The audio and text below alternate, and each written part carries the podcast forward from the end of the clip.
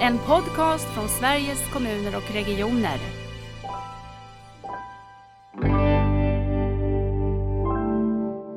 Men man brukar skoja om att vi är drabbade, vi kan se sådana på flera hundra meters håll. För att det är den här känslan du vet, att se, och det är någon som är som mig. Och det är så otroligt värdefullt. Och... Och sen 2019, i april 2019, så har den ryggsäcken delats ut till alla barn som insjuknat i typ Tibet i Sverige helt gratis under tiden de har legat på sjukhus.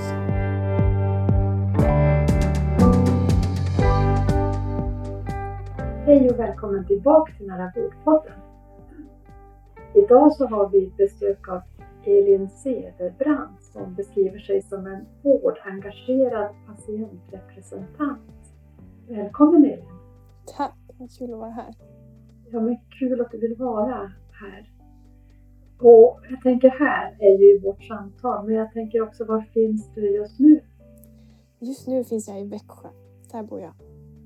Där bor du. Mm. Berätta, vem, vem är du? Det, det är roligt med frågan Vem är du? För den är alltid den svåraste att svara på. eh, eh, precis blivna 23 år, boende i Växjö då, som sagt. Och jag har sedan jag tog studenten arbetat på heltid med olika projekt till stöd för personer som lever med eller nära någon med diabetes. Och det har jag gjort via min ideella förening Together Against Diabetes 1. Och utöver det så har jag då engagerat mig i flera utvecklingsprojekt som patientrepresentant inom hälso och sjukvården. Och att jag har ett intresse i typ 1-diabetes då kommer från att jag själv fick sjukdomen när jag var 11 eh, år gammal. Så att jag har verkligen fått uppleva hur det är att leva med sjukdomen också genom livet men också mm. gentemot vården och har ju mycket upplevelser därifrån. Och det var när jag eh, blev 18, skulle byta från barn och vuxenmottagning och upplevde jag en process som jag verkligen inte tyckte fungerade. Det kändes så mm. otroligt otryggt och eh, det blev inte alls bra för mig och, och det ledde till att jag gjorde min röst hörd, tog kontakt, berättade, berättade hur jag hade upplevt det här, min sida av det hela. Um, och det var min väg in i att få sen arbeta mer som patientrepresentant. Så att jag mm. startade inte med en tanke om att jag skulle engagera mig i hälso och sjukvård utan jag startade bara i tanken att jag har upplevt någonting som inte kändes helt bra. Det vill jag vara med och påverka och tog kontakt och den vägen är det. Det är fem år sedan nu. Vad häftigt! Har du funderat på vad som gjorde att du inte valde att vara frustrerad och sen lämna utan faktiskt engagera dig? Jag tror att eh, det tillhör mig lite som person också att, att jag drivs väldigt mycket av den här känslan att har jag upplevt någonting som inte känns bra så vill jag inte att någon annan ska känna det. Mm. Eh, och det syns mycket i mitt arbete med min ideella förening också att saker jag har upplevt som inte har varit bra, jag vill använda dem till att göra någonting bättre för någon annan. Men mm. jag har också tänkt på det flera gånger själv att jag var ändå 18 år bara och liksom fick för mig det att nej nu tusan ska vi eh, ändra det här. Men, men, men jag är också så otroligt glad att jag inte tänkte så mycket mer än så utan jag har ju faktiskt, man har ju det som patient en möjlighet att berätta och, och vara med och göra sin röst hörd kring det som inte känns bra. Så att, eh, ja, många gånger i efterhand så tänker man så här, varför gjorde jag det egentligen? Eller hur kom det sig? Eh, ja. Ja, men det är ju intressant. Men hur, vem tog du kontakt med? Hur visste du hur, var man gör sin röst hörd? För man kan ju tycka mycket, men man måste också hitta på något sätt någonstans att mm. få mm. utlopp för det eller berätta det. Mm. Eh, men det var via diabetessamordnaren så startade jag där. Jag tror att jag, mm. att jag hade mött henne i något annat sammanhang för jag hade i alla fall ett namn sådär i minnet på vem det var. Eh, och så vände jag mig till henne då och bara öste ur mig allt jag hade känt liksom. Eh, varpå hon då snappade upp tråden och sa att men nu absolut, självklart ska vi titta över den här processen och eh, kopplade in eh, diabetessköterskorna på de olika mottagningarna. Så, ja, tog tag i frågan. Då. Kan du inte berätta lite grann vad du sa till henne? Vad var det som var så annorlunda mellan det du hade upplevt eh, i barnsjukvården tills du kom in i gränsen mot vuxensjukvård? jag tror att det var väldigt mycket vad som förväntades av mig som, mig som patient. Att eh, det ändrades väldigt mycket och jag fick inte riktigt information om det. Så att det blev en sån... Eh, typ 1-diabetes är ju en otroligt komplex sjukdom och man gör ju jättemycket egenvård varje dag. Men man är ju också så beroende av sina sjukvårdskontakter och de är ju betydelsefulla. Och jag tänker ofta på att det här också är att, att jag kände så här är också en stor eloge till barnsjukvården som hade mm. följt mig så väl de här åren. Um, men det är ju mycket att hålla koll på, mycket hjälpmedel man behöver och hur ofta man ska gå på besök och det var många sådana frågor. Man var van vid en sak och så på vuxensidan var det helt annat. Och mycket landade ner tror jag i att det hade blivit bra om jag bara hade fått information om det. Mm. För min, som, min blodsockermätare, min sensor som är så otroligt viktig för mig i min, min vardag. Helt plötsligt så förväntade sig att, att jag skulle hålla koll på, på, på andra grejer kring det som jag inte hade gjort innan och som jag inte visste hur jag gjorde. Och då blir det ju en stor otrygghet att min, mitt, mitt bästa hjälpmedel för att klara min vardag, ja. jag vet inte hur jag ska hantera det nu eller hur det funkar nu på vuxensidan. Så intressant, också intressant som du säger, det är ju också en eloge till barnsjukvården. Man blir ju nyfiken och tänka eh, varför just, för det har jag också hört från andra, just barnsjukvården eh, har ett mycket mer vad ska jag säga, holistiskt och inkluderande mm. sätt att se människan. Nu kanske man generaliserar när människor lyssnar nu och tänker att jag jobbar inte i barnsjukvården, tycker att vi jobbar personcentrerat och holistiskt. Så det finns ju sådana verksamheter också. Mm. Men det finns någonting i det där och då tänker jag att min egen snabba analys är ju så att här har man ju inte specialiserat sig bara på en sak, en sjukdom, utan man har ju på något sätt barnets perspektiv med sig in och så får man lära sig om typ 1-diabetes och, och mm. på något sätt möta människan. Det är en viktig grund i barnsjukvården. Men det är bara en tanke mm. från mig.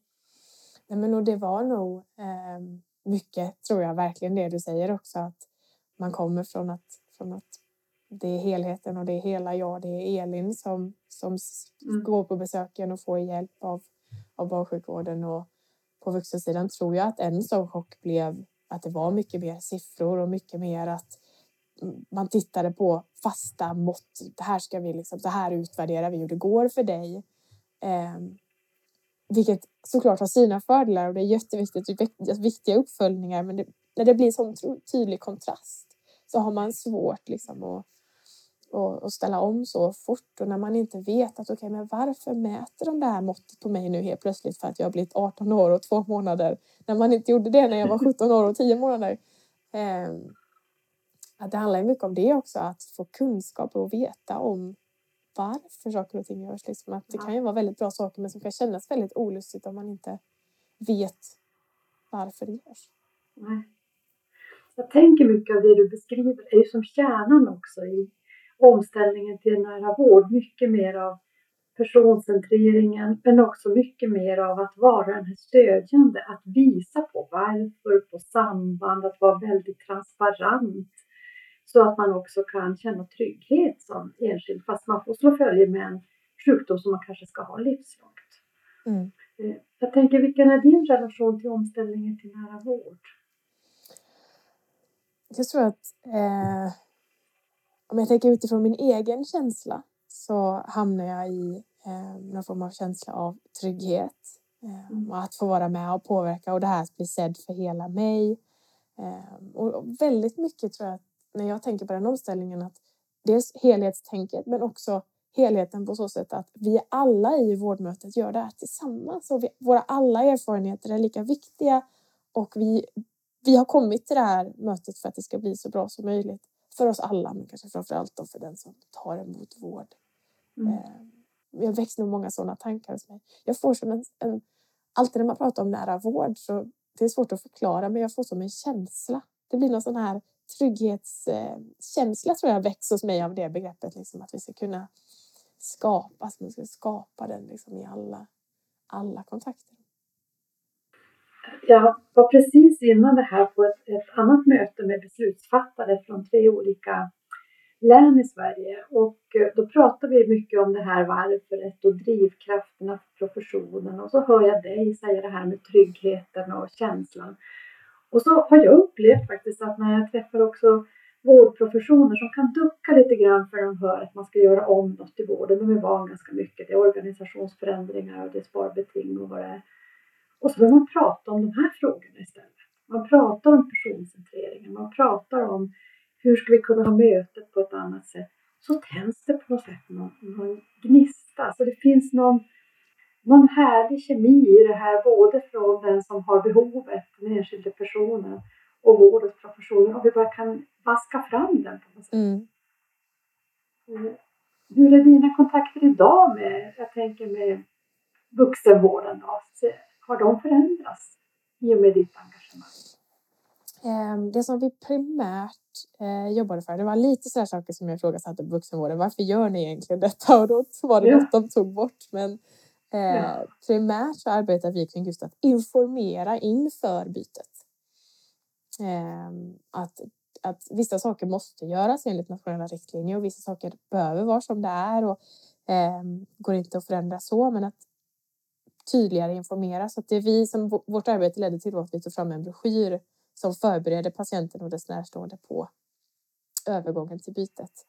Mm. Um, så att vi fokuserade mycket på den information, hur man kan vara mer förberedd för de skillnader som ändå kommer ske. Då. Mm. Jag tänker också, det är också att skapa, för det handlar lite grann om maktförskjutning, att också att vara förberedd gör ju också att man har en annan ställning sen när mm. det här sker eller i de möten man kommer att ha. När du säger att vi gjorde det, vilka är vi då? eh, vi som kom blev av den gruppen sen, så det var jag och diabetessamordnaren i Kronoberg och så en sköterska från barnkliniken och en från vuxenkliniken. Så vi tog in alla parterna där och knåpade tillsammans. Jaha, så det blev egentligen ett resultat av din, mm. din frustration? Mm. Och det är en broschyr som de använder sig av än idag som vi också har försökt utanför regionen dela med sig, bara ge som ett exempel att det här kanske är någonting man kan titta på på andra ställen också och inom andra sjukdomar med för att vi är många som byter från barn till vuxenvård som lever med kroniska sjukdomar och att det, det är ju en, det är ju en skillnad idag och jag tror att det kanske finns väldigt mycket som kan förebyggas, väldigt mycket jobbiga känslor som kan förebyggas med information om vad som kommer hända bara. Mm. Eh.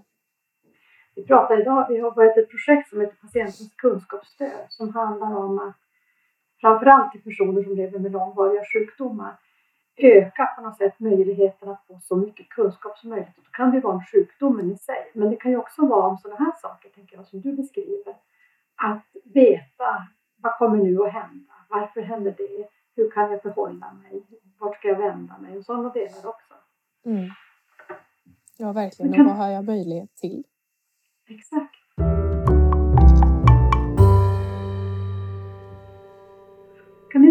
Berätta lite grann om ditt arbete med Together Against Diabetes? Vad, vad innebär det? Du säger att du, det är ditt arbete idag.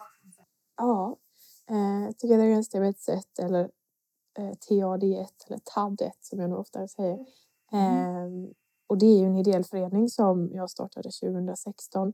Och det är samma sak där, att det kom från en känsla av att vilja göra någonting, att vilja påverka. Jag hade upplevt mycket som inte hade känts bra, både mött mycket fördomar, mycket okunskap, många situationer som inte eh, fungerade. Så att det var verkligen bara så där, jag måste göra någonting, jag måste använda den erfarenhet jag har, men också de negativa erfarenheterna att påverka och förändra och göra någonting lättare för någon annan. Så att jag parallellt med att jag gick i tvåan på gymnasiet så startade jag den här ideella föreningen och hade väl där och då kanske ingen precis exakt tanke för att det här ska jag göra massa år framöver utan det var verkligen här och nu vill jag göra någonting, jag måste göra någonting. Liksom så kändes det.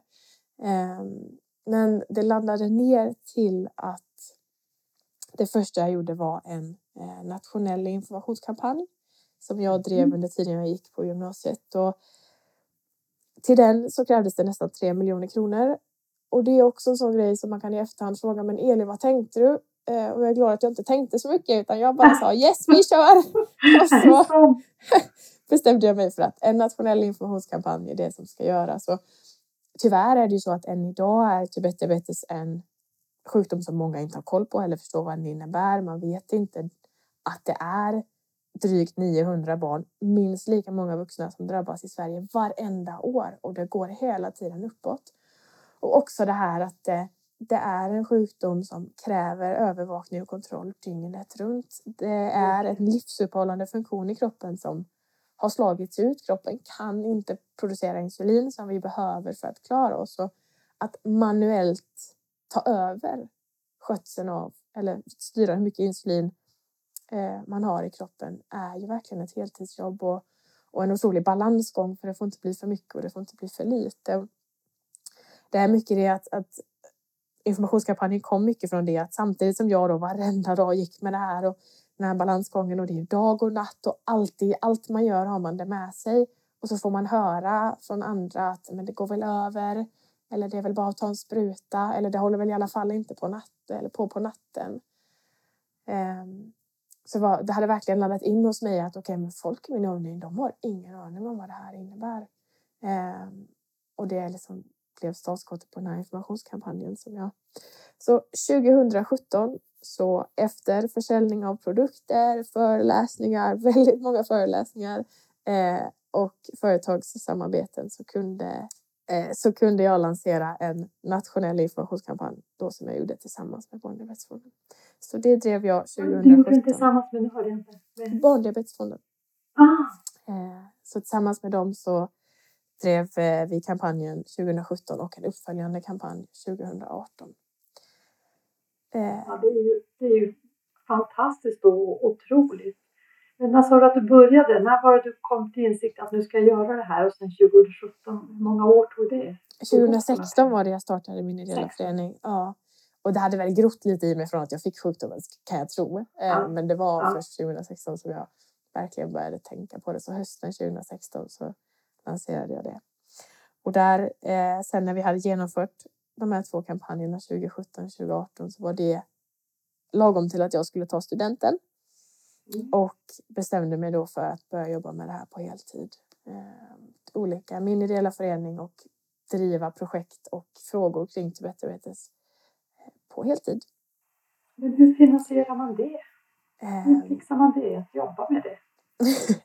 ja, det, allt som vi gör och allt som vi driver eh, finansieras helt av donationer från privatpersoner och företag. Så att jag har haft ett enormt stöd med mig under de här åren och det har varit fantastiskt att få den möjligheten. Verkligen så tacksam för att jag fått möjligheten att, att göra det här och jobba med en sån fråga som jag brinner så otroligt mycket för. Och då när jag tog studenten få möjligheten att kunna göra det här och kunna fortsätta. För jag där och då bubblade jag ju fortfarande med grejer som jag ville göra. Jag hade mycket idéer och många ser, liksom, scenarier i livet som men här behövs det någonting.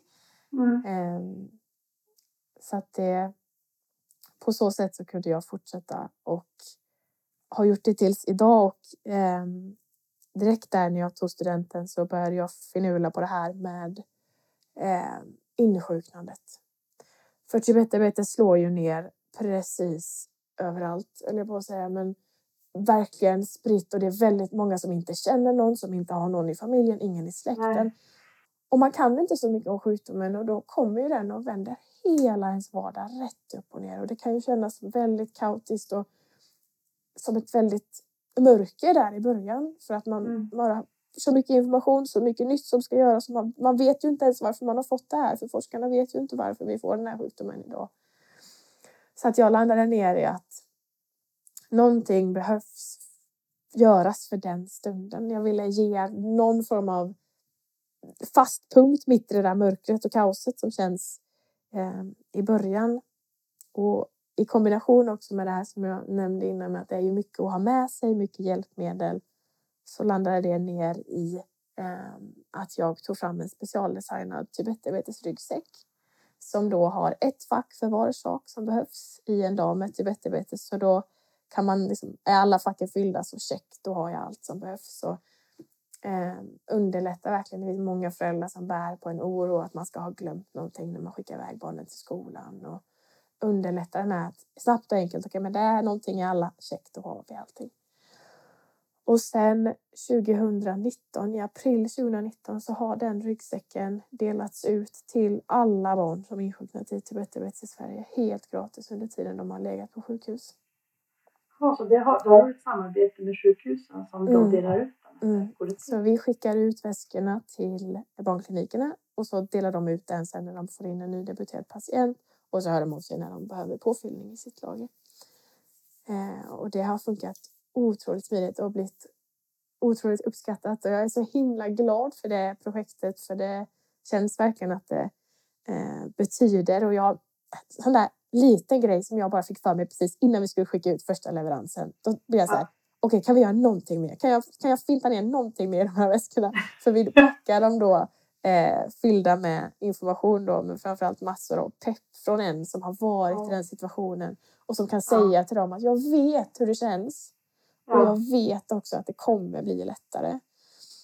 Så att jag... Hur paketerar du de peppen då? Ja, jag gjorde små, små lappar eh, som jag la i vart och ett av de här facken som finns i väskan. Det finns de här många små facken. Så att varje gång de öppnar ett nytt fack så får de en lapp och så står det kanske du är inte ensam eller det, ja. det känns bättre snart eller du kommer klara det här. Och, eh, och det var den sista, sista jag bara absolut fick för mig där när vi stod och packade och bara jag måste göra det. Och det har blivit det mest uppskattade med, med ryggsäckarna. Ja, vad eh. underbart.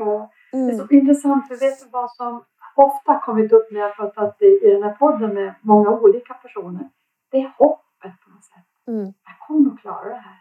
Mm. Det, det, kommer att bli bättre. Det här hoppet som jag ibland tänker att hälso och sjukvård inte har fattat att vi också måste leverera och uh, som du också ordnar på, på genom din förening och din ryggsäck. Och mm. Jag tänker det här lite patients like me också, att det finns mm. någonting i det. Är det så du tänker med föreningen också? Mm. Ja, men jag, tänker, jag tror att det är så otroligt värdefullt att få känna att det finns någon annan. Och jag brukar skoja om att såna här pump, eh, slangar till insulinpumparna, de är genomskinliga. Men man brukar skoja mm. om att vi är drabbade, vi kan se sådana på flera hundra meters håll. För att det är den här känslan du vet, att se, åh det är någon som är som mig. Och det är så otroligt värdefullt. Och, och även eh, vården och, och alla som arbetar där gör en helt fantastisk insats när alla som debuterar. Men de kan ju aldrig riktigt säga jag vet precis hur det känns. Och att kunna ge den att eh, jag, jag kan ju verkligen ärligt säga det. Jag vet hur det känns och jag har också haft det här i elva år nu och jag vet att det blir det kommer inte bli bra, men det kommer bli mm. lättare. Jag vet att också, förlåt, Eh, men jag tänker, du har ju också ett arbete där du är engagerad av Region Kronoberg och jag sitter och tänker nu berätta det här att, att kanske har vi underskattat i vården det här med hoppet och att ändå kunna i en sån här sjukdom som är så pass eh, drabbande som den blir eftersom den är dygnet runt och precis som du beskriver, man ska ta över en väldigt livsavgörande funktion i kroppen själv och så. Att vi kanske också behövde se till att vi ordnar de mötena med de som faktiskt också har Eh, har varit med om det här. För det kan man ju inte säga att eh, alla som jobbar i vården har inte varit med om det. Mm. Du vet inte hur det känns. Du vet, har inte varit där själv. Att ordna det. Ja. Kan du berätta lite grann om ditt, eh, din roll i Region Kronoberg också? För du har ju en roll där nu. I Region Kronoberg så sitter jag med som patientrepresentant i deras resursgrupp för patienter och närstående. Och det kom ju sig då utifrån mitt lilla, nej så här kan det inte vara. Eh, så fick jag sen komma med i resursgruppen och har eh, varit med där sen, sen dess. Och i den gruppen så flaggar de ut för olika uppdrag som finns, om det är inom regionen eller också när regionen engagerar sig i mer nationella möjligheter där, där, det, där de vill ha med en patientresa, det finns möjlighet att vara med eh, och påverka. Så att det var genom det senaste jag jobbar med nu eller som är aktuellt just nu är att jag sitter med i programgruppen för den internationella konferensen eh, Forum for Quality and Safety in Healthcare. Och det är ju en internationell konferens som i år anordnas i Sverige och i Göteborg det den 20 till 22 juni. Och det som är så otroligt roligt med den här medverkan är att det är första gången som det finns en patient med i planeringsgruppen, i programgruppen bakom konferensen. Eh, och det känns ju jätteroligt. Det är det. Ja, det är ju det första gången. Ja. så det känns verkligen kul och som en otrolig möjlighet och också någonting som, som vi verkligen vill se till att fånga med in på konferensen. Att så här, nu är det patientmedverkan på riktigt. Nu är det, nu tar vi tag i den här, som du sa, vänder lite på det och eh, lyfter det här perspektivet och vikten av att göra det här tillsammans. Vi är ju lika viktiga i det mötet och kombinationen av den lärda och den levda erfarenheten är ju vägen framåt. Ja, verkligen. Jag tänker du pratar om dina pepplappar i ryggsäcken, men du kommer ju också har ju tillsammans med programgrupp och så kreerat någonting som var det Pep Square eller vad har vi? Och då är det pepp på något annat sätt. Ja. Pepp som vi tänker i ryggsäcken. Vad är det för Ja, det är PEP som står för Professional Experienced Person. Och det kommer från en känsla som, som vi verkligen vill skapa kring att alla som är, har varit eller är patienter eller närstående eller har levd erfarenhet av hälso och sjukvård är professionella i sin roll. Man är ju professional experienced person, att verkligen lyfta den rollen till den står den betydelse som det har. För det har kanske tidigare har man kanske känt att nej, men det, den är bara patient eller att det har varit en liten sån känsla över det. Men, men den är så otroligt viktig, den erfarenheten i utvecklingsarbetet och förtjänar ju en roll som mm. också låter som det vad det faktiskt är. Att här har vi en person som har en otroligt viktig kunskap och som är en, en lika viktig del i utvecklingen framåt. Mm. Och också någonting som är, som är roligt med konferensen är att det för första gången då kommer finnas även ett pep square, en plats för de här personerna med, med levd erfarenhet. Att en plats i mässhallen där man kan komma och ha diskussioner, lyfta viktiga ämnen och också samla andra patienter och närstående som, som deltar på konferensen. Eller jag märker också det när jag träffar eh, många som håller på att arbeta med omställning till nära vård. Att man vill göra det mycket mer samskapande tillsammans med eh, patienter, personer med egen levd erfarenhet. Mm. Hur kan vi nyttja det här Pep Square till de kontakterna mellan utvecklingspersonerna och eh, personer med levd erfarenhet? Hur, hur kan vi använda Pep till det?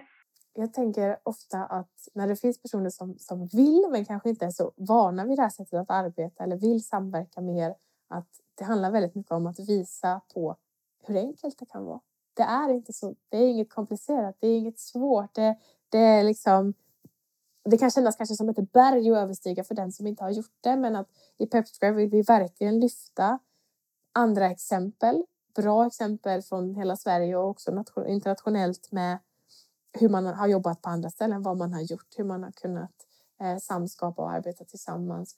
Men också som du säger så kommer vi att ha mycket patientrepresentanter, många erfarna av att arbeta som patientrepresentanter på plats som man kan bolla tankar med, man kan knyta kontakter och verkligen få ett riktigt bra underlag att ta med sig hem och hur man ska implementera det mm. hemma i sitt arbete hemma då. Många bra tips. Mm. Jag tänker mycket på det du säger. Ibland har jag funderat på varför eh, vi från hälso och sjukvården tycker att det är svårt att hitta arbetet och samverkan med patienter i utvecklingsarbete. Eftersom det är precis som du säger att det behöver inte alls vara svårt. Har du någon tanke på varför vi... Jag tror att, eller jag tänker mycket som att det är ju lite ovant. Det är ett litet mm. nytt sätt att tänka på. Det är ju alltid, allt vi gör i livet så är det alltid enklare att göra som man alltid har gjort ju. Mm. Eh, och jag ser mycket på det så att det handlar ju om att på något sätt göra på ett nytt och annat sätt och att det kan då kännas kanske som att det är främmande eller det finns inte tid för det nu. Och det är ju också att det viktiga som jag tycker man ska också tänka på är ju att det är ju verkligen inte allt eller inget. Vi kan ju börja någonstans. Man kan ju mm. börja lite grann liksom och eh, lyfta in. Man kan ju lyfta in patientmedverkan på otroligt många sätt.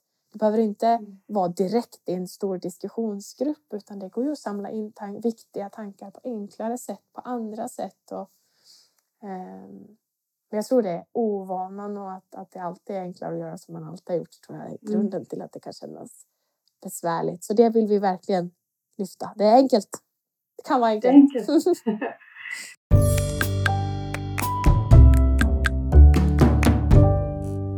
Men jag tänker om vi kommer tillbaka lite till Region Kronoberg och eh, den här resursgruppen som du ingår mm. i. Nu har du det här stora internationella åtagandet att finnas i programplaneringen för det. Men vad kan det annars vara? Hur, hur gör Region, Region Kronoberg det här enkla? Hur ser de till att det blir en större involvering av egen erfarenhet? Um, väldigt mycket som arbetas med inom Region Kronoberg skickas ut i den här gruppen. Att här finns det möjlighet att delta i det här och här finns det möjlighet mm. att delta i det här. Och, och i, i eh, vissa projekt så, så samlar man in tankar från hela gruppen och i vissa projekt så väljer man ut då representanter som, som jag jobbar med den här konferensen nu. Och vi har ju en hel skara som jobbar med nära vård i Kronoberg. Mm. Den omställningen där. Jättemycket patientrepresentanter med i den. Um, så jag tror att man har försökt använda sig av dels att det finns en grupp som alltid är tillgänglig, som man alltid kan bolla med på något sätt, gör ju också att det blir enkelt. Att det, är ingen, det är ingen besvärlig process att nå en patientrepresentant i Kronoberg för att det är bara att höra av sig till gruppen så kommer någon av oss att nappa. Ehm, men också att man ser det nog på olika sätt. Att ibland har man samlat in svar via mejl ehm, och sådär, vilket kanske för det projektet var eh, räckte och eh, var ett viktigt sätt att på ett enkelt sätt få in tankar där då. Ehm, så att det har varit alla, alla möjliga projekt och, som, som har kommit upp i gruppen och allt som handlat om digifysisk vård och annan digitalisering och hur det ska bli tillgängligt för alla. Med, eh, jag såg något arbete där de jobbade med kallelser, hur man kan förbättra dem. Och, så jättespännande också bara att få följa i gruppen det som kommer upp. Och, men hur kommer man med i gruppen? För jag tänker, det kan ju vara någon som sitter och lyssnar som tänker att en sån där grupp skulle jag faktiskt vilja bidra i. Eller någon som sitter i en region eller kommun och tänker jag vill starta en sån där grupp. Hur får man, hur får man människor att engagera sig? Eh, alla kanske inte är riktigt lika eh, lätt engagerade som du känns Elin, men eh, hur, hur, går, hur går de tillväga? Vet du det?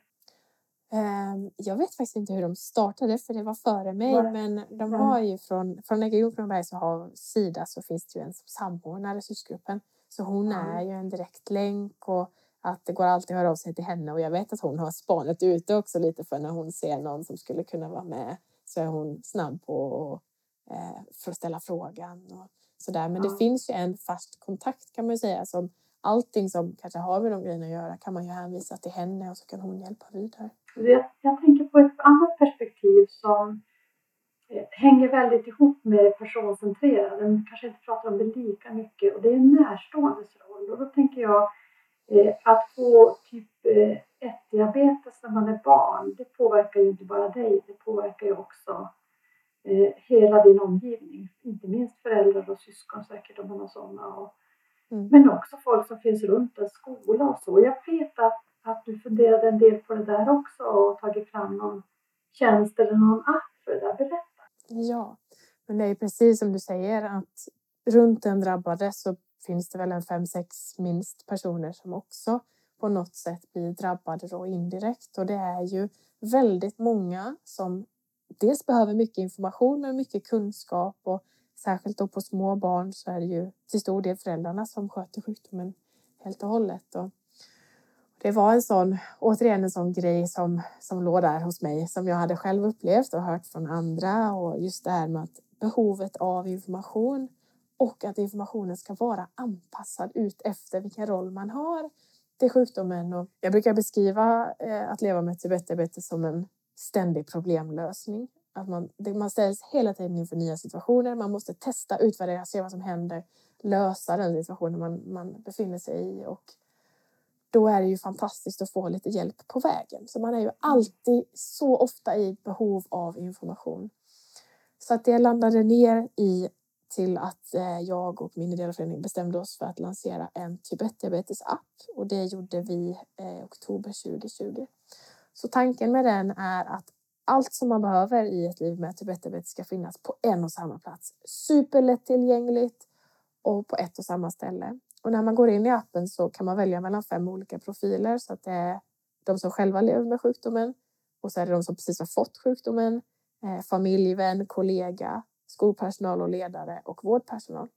Så när man klickar på, på varsin någon profil så är all information i appen anpassad utefter just dig och din relation till sjukdomen och så får man den informationen som är viktig för just den själv.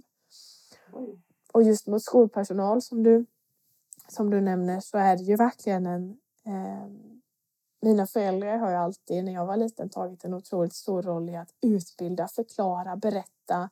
När jag skulle iväg på, på läger med gymnastiken eller allt vad det var liksom, så har de alltid fått eh, antingen vara med eller liksom förklara och utbilda. Och sen när vi jobbade med appen så, så, fick, så var det min pappa som kom och sa och så berättade han om det här och så sa han att ja, men vi berättade ju allt vi kunde. Men sen mm. var det ju bara att hoppas på det bästa. Hoppas att de förstod. De kunde inte göra någonting annat. Så det var en väldigt viktig del för oss också i, i appen att det ska finnas eh, på ett sätt att kunna säkerställa att eh, man har förstått det absolut viktigaste. Så det finns quiz mm. för akutsituationer och för grunderna i Tibetarbete så att föräldrar och anhöriga ska kunna känna att jag har och skolpersonalen eller idrottsledarna har förstått det absolut mest nödvändiga. Och i den här processen, en stor del av att leva med Tibetarbete handlar ju också om att anpassa mängden insulin. Hur mycket ska vi ha just nu? Och det är ju en mycket då kring det. Det finns tror jag typ 45 faktorer som påverkar blodsockret så det är ju otroligt mycket mer än vad man äter. Men vad vi äter påverkar ju såklart så att mycket av behandlingen av sjukdomen handlar om att räkna kolhydrater. Så det är också en stor del av appen med smidiga kolhydratlistor. Man kan skanna förpackningar och en dosräknare som vi har utvecklat då i samarbete med Astrid Lindgrens barnsjukhus. Mm. Så att, ja, vad är appen nu? Snart ett och ett halvt år gammal tror jag. Eh, och det finns då kolhydratlistor, dosräknare, eh, massor med information om livet verkligen. Hur funkar det att ta körkort? Vad händer när man med blodsockret när man får mens? Hur ska man tänka relationer till kompisar? Alltså allt sånt där som man behöver i livet med sjukdomen. Det låter som ett jättearbete. Hur har ni jobbat med ja, det? Ja, det var det. um, Men så vi jobbade fram den under nästan ett års tid tror jag det tog. Ehm, och det var jag och eh, min kollega som eh, skrev mycket information utifrån vårt perspektiv, som drabbade perspektivet och sen har vi arbetat med Astrid Lindgrens barnsjukhus kring de medicinska aspekterna och så där. Så det finns ju såklart med allting. Vad händer i kroppen och hur sjukdomen fungerar och sånt. Men vi har verkligen försökt lägga vikt vid livet och allt det där som man möter. Att, att ge ett bra stöd i livet. För medicineringsstöd får vi fantastiskt från, från vården. Men vi har också det här varenda dag jämt. Hur ska man tänka när man går till stranden? Ett bra knep för vad bär vi insulinpumpen när man har bikini? Eller vad det kan ja. vara liksom eh, i livet. Så att vi har fokuserat jättemycket på det i appen och vill verkligen hjälpa och med den delen. Jag har ett favoritcitat från en, en tysk filosof eh, som vi brukar använda kring hälsa i nära vårdomställningen. hälsa är glädje, ta sig an sina livsuppgifter. Och det är klart, ska man då kunna göra det, det kanske är att få gå till stranden som är mm. viktigt. Då måste man ju också få lite hjälp med och tips med hur man gör det på ett bra mm. sätt och vad man ska tänka på. Mm. Visst, idag har ni 70 000 användare av den? Ja, det är helt galet. Ja. Eh, jag tänkte, eh, jag har flera frågor i huvudet, men en sak som jag eh, möter mycket nu i omställningen till nära vård, det är mm. egenmonitorering. Mm. Man funderar mycket på hur man ska kunna stödja människor med kronisk sjukdom att ta ett större ansvar själv och därmed få mer självständighet, inte behöva komma mm. in till vården. Och då är det oftast fokus på personer med KOL och personer med hjärtsvikt.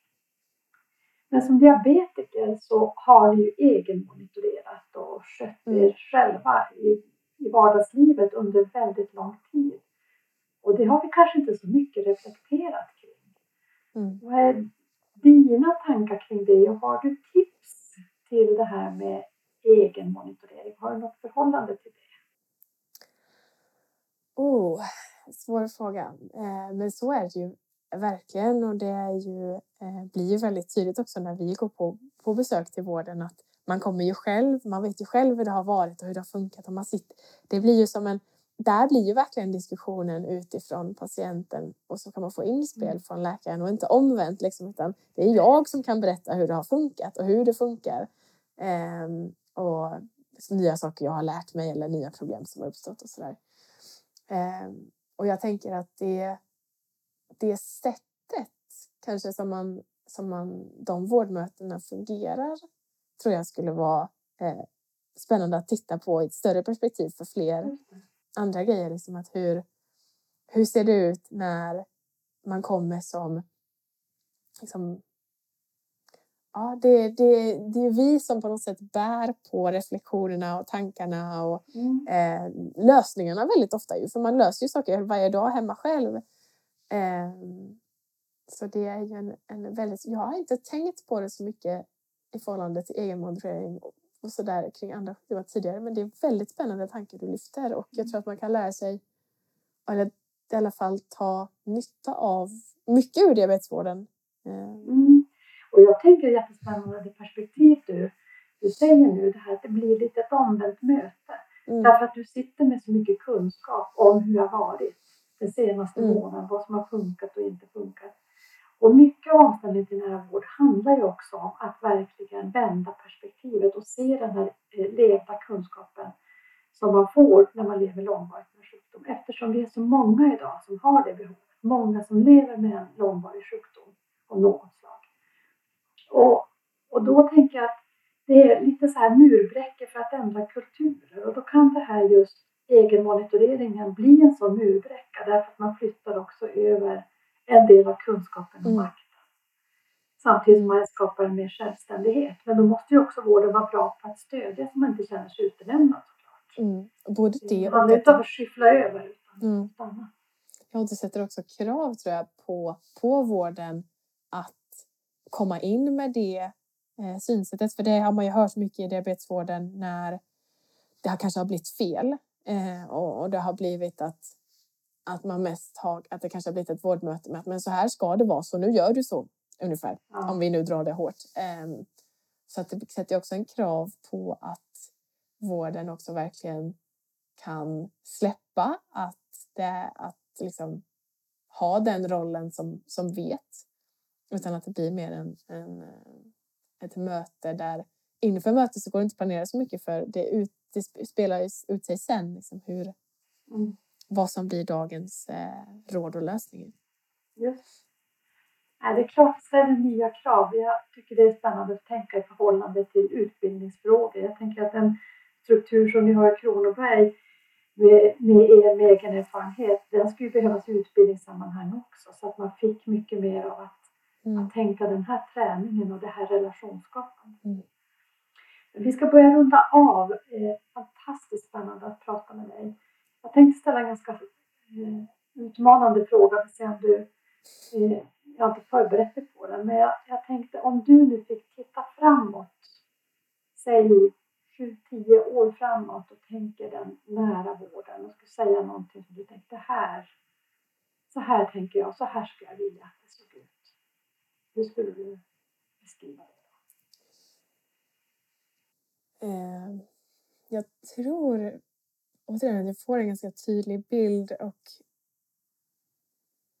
det, alltså det som väcks väldigt mycket hos mig är ju det här hela jaget. Att eh, jag går inte till ett ställe för att jag har det här och till ett ställe för att jag har något annat och till ett ställe för att jag har det. För att det är ju, vi hänger ju ihop. Vi är ju en och samma kropp och många saker påverkar ju varandra. Och eh, jag har själv haft mycket erfarenheter av just olika saker som har visat sig i slutändan att, att de hängde ihop men så har man fått behandlas på olika ställen och det har liksom inte blivit...